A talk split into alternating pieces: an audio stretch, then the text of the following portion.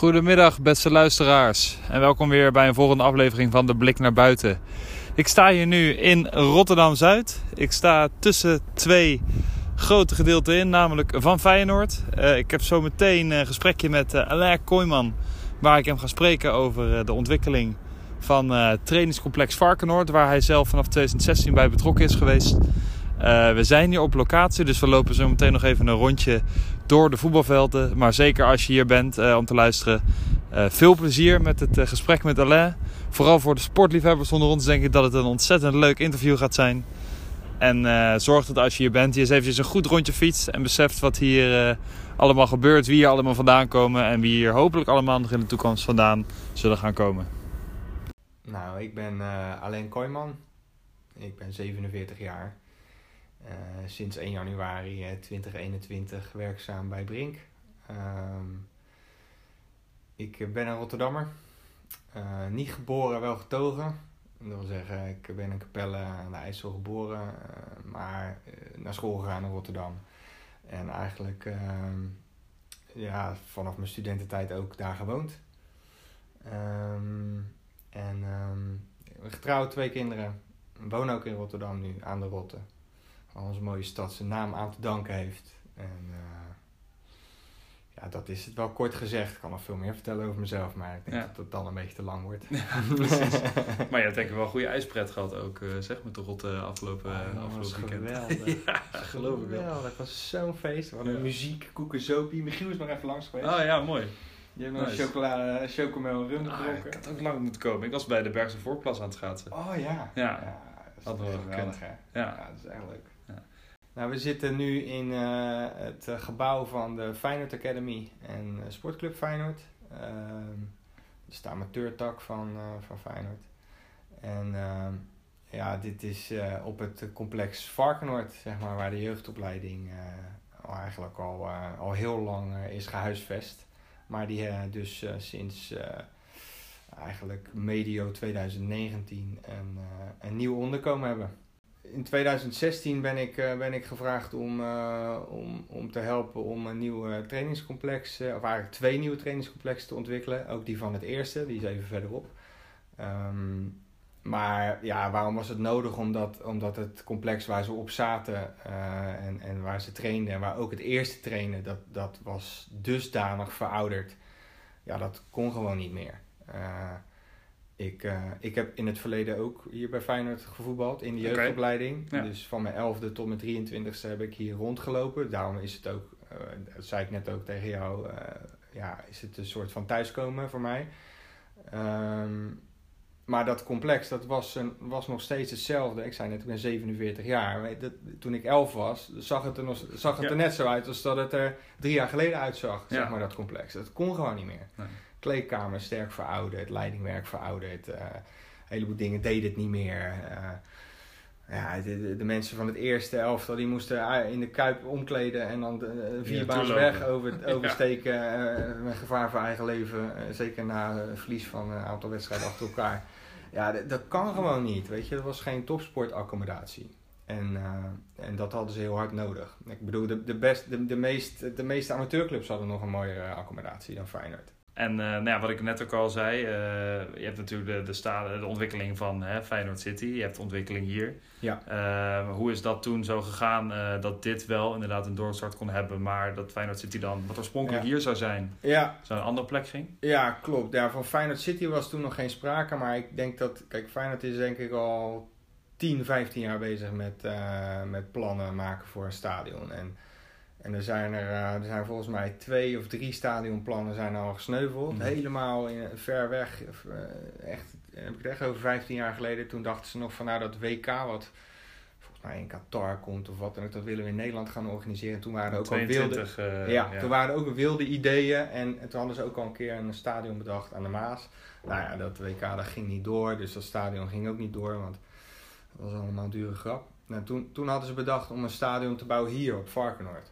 En dat, dat is zeg maar in de periode 2012, 2016 is, is daar serieus naar gekeken. Uh, maar ik denk in 2015 uh, eh, is op een gegeven moment daar dus ook de stekker uitgetrokken. Want dat kregen ze niet, uh, niet rondgerekend. Ja. en in dat hele plan van dat stadion, en dat, dat, dat hoorde ook financiering bij, maar daar hoorden ook die trainingsaccommodaties bij. Dus de gedachte was om hier op Varkenoord en een stadion te bouwen en een nieuwe trainingscomplex voor de jeugdopleiding en het eerste. Maar toen dat stadion, toen dat plan eigenlijk uh, om, ja, in, de prullenbak verdween uh, en ze weer opnieuw moesten, moesten gaan nadenken over en wat nu, toen hadden ze wel zoiets van ja, dat, dat trainingscomplex dat we hebben, dat kan echt niet meer. En, en ze hadden toen een aantal jaren zwarte cijfers geschreven, dus, dus wat winst gemaakt. En uh, financieel waren ze weer, uh, weer gezond. Ja. Uh, ze hadden wat spelers verkocht. Toen hadden ze ja, ook wat eigen, eigen kapitaal om te investeren in die trainingscomplex. In april 2016, ik had al een paar jaar wel contact daarover. Want ik had al wel door dat ik, dat ik hier wel wat wilde gaan doen. Ja. toen belden ze mij van, joh, zou jij dan ja, uh, ons kunnen helpen om, uh, om die trainingscomplexen te ontwikkelen. Ja, want dat was in 2016 ongeveer. En, en jij hebt gewoon met hun contact gezocht? In de zin van, jij wilde ja, dat doen? Ik ben, hoe kan klopt, ja. Nou, ik ben in 2010 ben ik voor mezelf begonnen. Okay. Uh, nee, begin 2011 ben ik voor mezelf begonnen. En um, toen, toen, toen, net toen ik voor mezelf was begonnen, dacht ik van oké, okay, wat, wat, wat en wat. En nu ben ik ondernemer, dus nu kan ik doen wat ik wil. dat is natuurlijk niet helemaal waar, maar eh, wat, wat zou ik nou leuk vinden en wat past nou bij mij? Ja. En toen heb ik uh, eerst een jaartje, omdat ik helemaal sportgek ben ook, uh, en vooral voetbal natuurlijk, uh, met, ook met mijn verleden hier. Maar sport in de breedste zin van het woord. Toen heb ik een jaar International Sports Management gedaan, ook aan het Cruyff Instituut. En ehm, toen, toen heb ik, had ik op een gegeven moment kreeg ik een opdracht.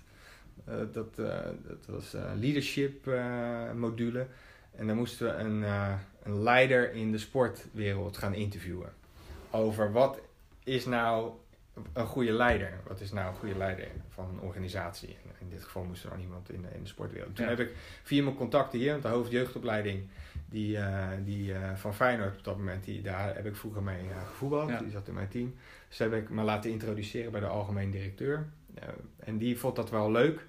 En die, uh, dus daar mocht ik uh, langskomen en daar heb ik uh, toen twee gesprekken mee gevoerd. En dat was in 2012 en sinds die tijd heb ik eigenlijk met hem contact gehouden. Oh ja. want hij, in dat gesprek ging het ook een beetje over mij. En toen vroeg hij me, wat wil jij dan? Ik zei, nou ja, wat wil ik nou? Wat ik wel leuk zou vinden om is, is om mee te werken aan de plannen waar jullie mee bezig zijn. Ja. Oh, oké. Okay.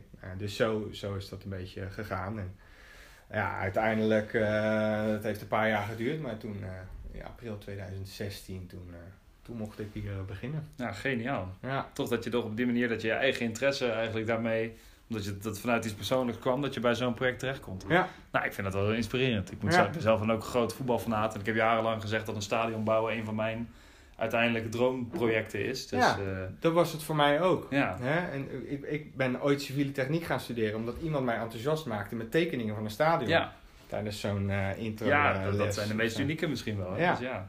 Dus, dus uh, ja, dat klopt. Ja. maar je ziet, je, weet je, ja, je moet ook een beetje geluk hebben natuurlijk. Maar als je het niet najaagt, dan, ja, dan gebeurt het ook niet. Uh, niemand uh, komt daarmee nee. bij jou op schoot. Dus dan moet je wel, als je er zelf achteraan gaat, dan vergroot je in ieder geval je kans. Precies.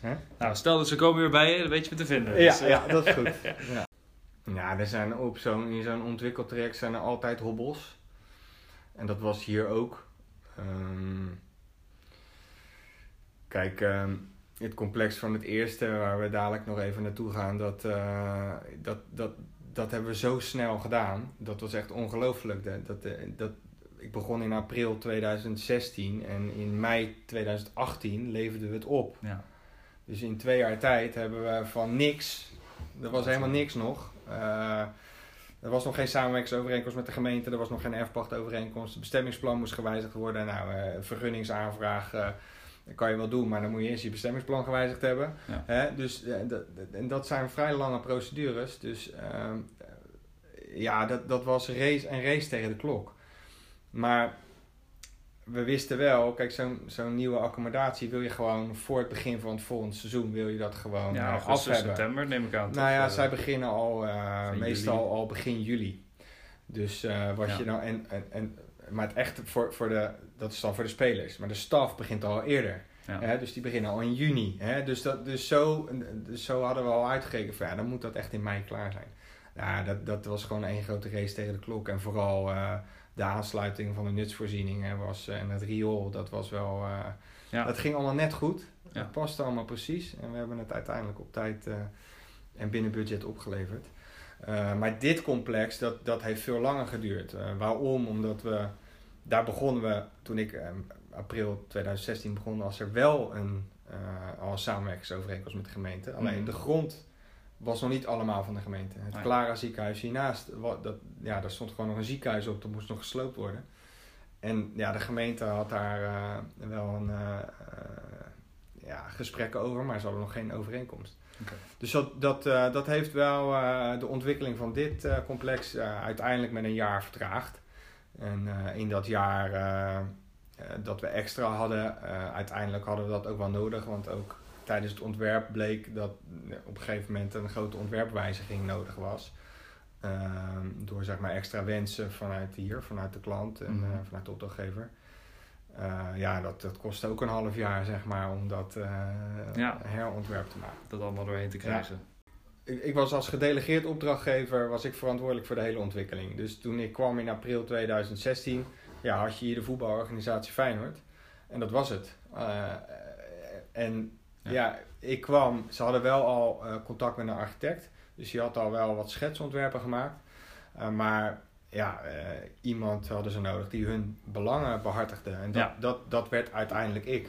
Ja, ja, en waarom ik? Omdat ik hier, omdat ik en het, het proces snap hoe dat proces werkt en wat er allemaal nodig is om zo'n ontwikkeling van A tot Z te kunnen doorlopen.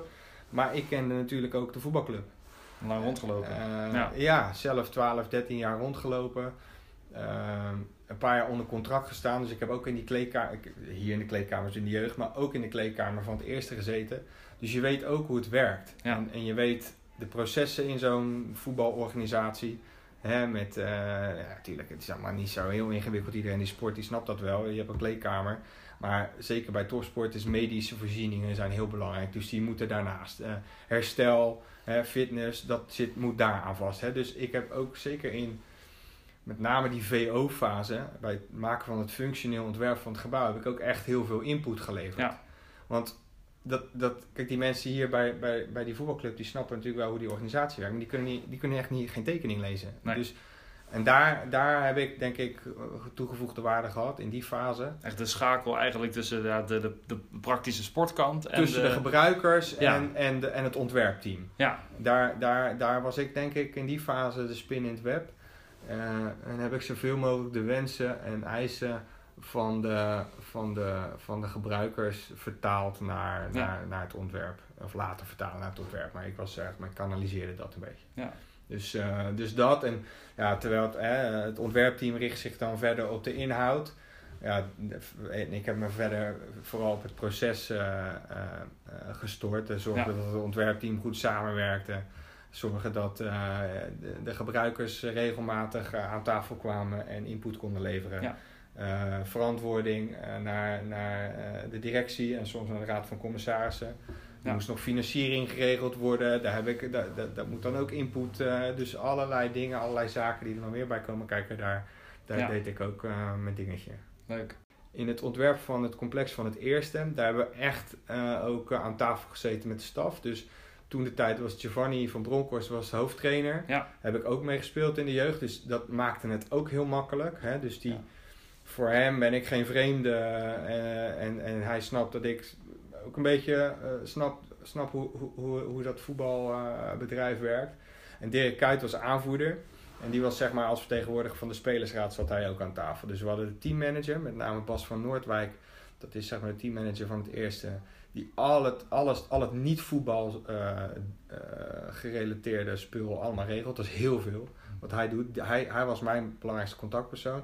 Maar regelmatig zat er dan ook met de staf, met de trainers en met ja, een afvaardiging van de spelers aan tafel. En die hebben echt input ook gehad. Dus wat bijvoorbeeld Giovanni uh, vertelde, was dat hij in, zijn periode in, uh, bij Arsenal, uh, wat hij daar heel prettig had ervaren, was dat het daglicht in de kleedkamer kwam. Dus toen wij zeg maar, het voorlopige ontwerp presenteerden en, en hij toen, toen ook al echt goede input gaf op het ontwerp, maar dat vertelde, toen dachten we van, oh ja, dat is wel echt een goeie. Want ja. die gasten zitten, ja, weet ik veel, hoeveel uur in de week zitten die in de kleedkamer. Hoe fijn is het als daar daglicht in komt? En dan wil je natuurlijk niet dat mensen die kleedkamer in kunnen kijken, maar dat daar een beetje daglicht in valt, is natuurlijk wel fijn. En Dirk Kuyt, Dirk Kuyt vertelde dat hij bij Fenerbahce, dus na Liverpool is hij natuurlijk naar mhm. Turkije gegaan, naar Fenerbahce. En daar schijnen ze ook een waanzinnig gaaf trainingscomplex te hebben. Uh, maar die vertelde bijvoorbeeld, en dat hadden we ook al bij Vitesse gezien, dat als ze dan van het trainingsveld afkwamen, dan, dan kwamen ze eerst in een natte ruimte. Dus daar konden ze de schoenen uitdoen en deden ze de slippertjes aan. En die schoenen werden daar op elkaar gezet of wat dan ook, mm vervolgens schoongemaakt. En, uh, en, en vervolgens liepen zij door met hun slippertjes het gebouw in, waardoor de rest van het gebouw uh, schoon en droog bleef. Ja.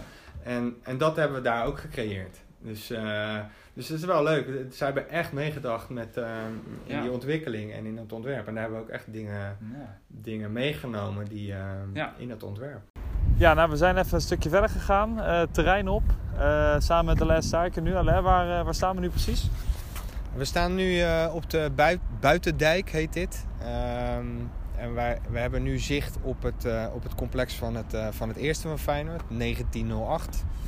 Uh, we staan nu aan de achterkant van het gebouw, dus dat is een roestvrij stalen gevel. Uh, en je ziet wat, wat glas, geblindeerd. Want ze hebben liever niet dat je naar binnen kijkt. Mm -hmm. maar wat je ook ziet als je om je heen kijkt, is dat het eigenlijk, ja, wat ook wel... hey, goeiedag. Ja, hey, zeker. Ja. Hoe is het met u? Ja, als een gangetje. Ja? Ja.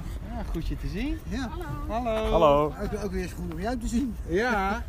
ja. Dat is een tijd geleden. Het contract is Ineke die... Want wie waren dat dan? Nou, dat waren mensen die wonen hier uh, het begin van de buitendijk. Dus uh, ja, dat zijn gewoon omwonenden van het complex. Ja. En uh, ja, voordat we hier begonnen met bouwen, toen ben ik bij al die mensen gewoon even langs geweest. Een bakje koffie gedaan, mezelf voorgesteld. Hallo. Goedemiddag. En verteld wat we, wat we gingen doen. Dus dat ze, dat, ze niet, uh, dat ze in ieder geval op de hoogte waren. En uh, ja, uh, de meeste mensen vonden het prachtig. Ja. Dus, ja, de locatie hier is gewoon heel uniek natuurlijk. Ja, dat is het ook. Hè. Je ziet het, het staat gewoon midden in de wijk. En goed, dit zijn dan wat losse huisjes. Maar je ziet daar natuurlijk gewoon flats. En daar zit een school ja, dit, dit, dit, is, dit is waar Feyenoord vandaan komt. Dit, hè? De club van het volk. En dit volk, uh, dat houdt van Feyenoord. Die mensen die net voorbij kwamen, die hebben gewoon... Die hebben in de tuin een embleem bestraat van Feyenoord. En er hangen vlaggen overal hier van Feyenoord en zo. Dus die zijn mensen allemaal wild van Feyenoord. Ja. Dus dat is wel mooi.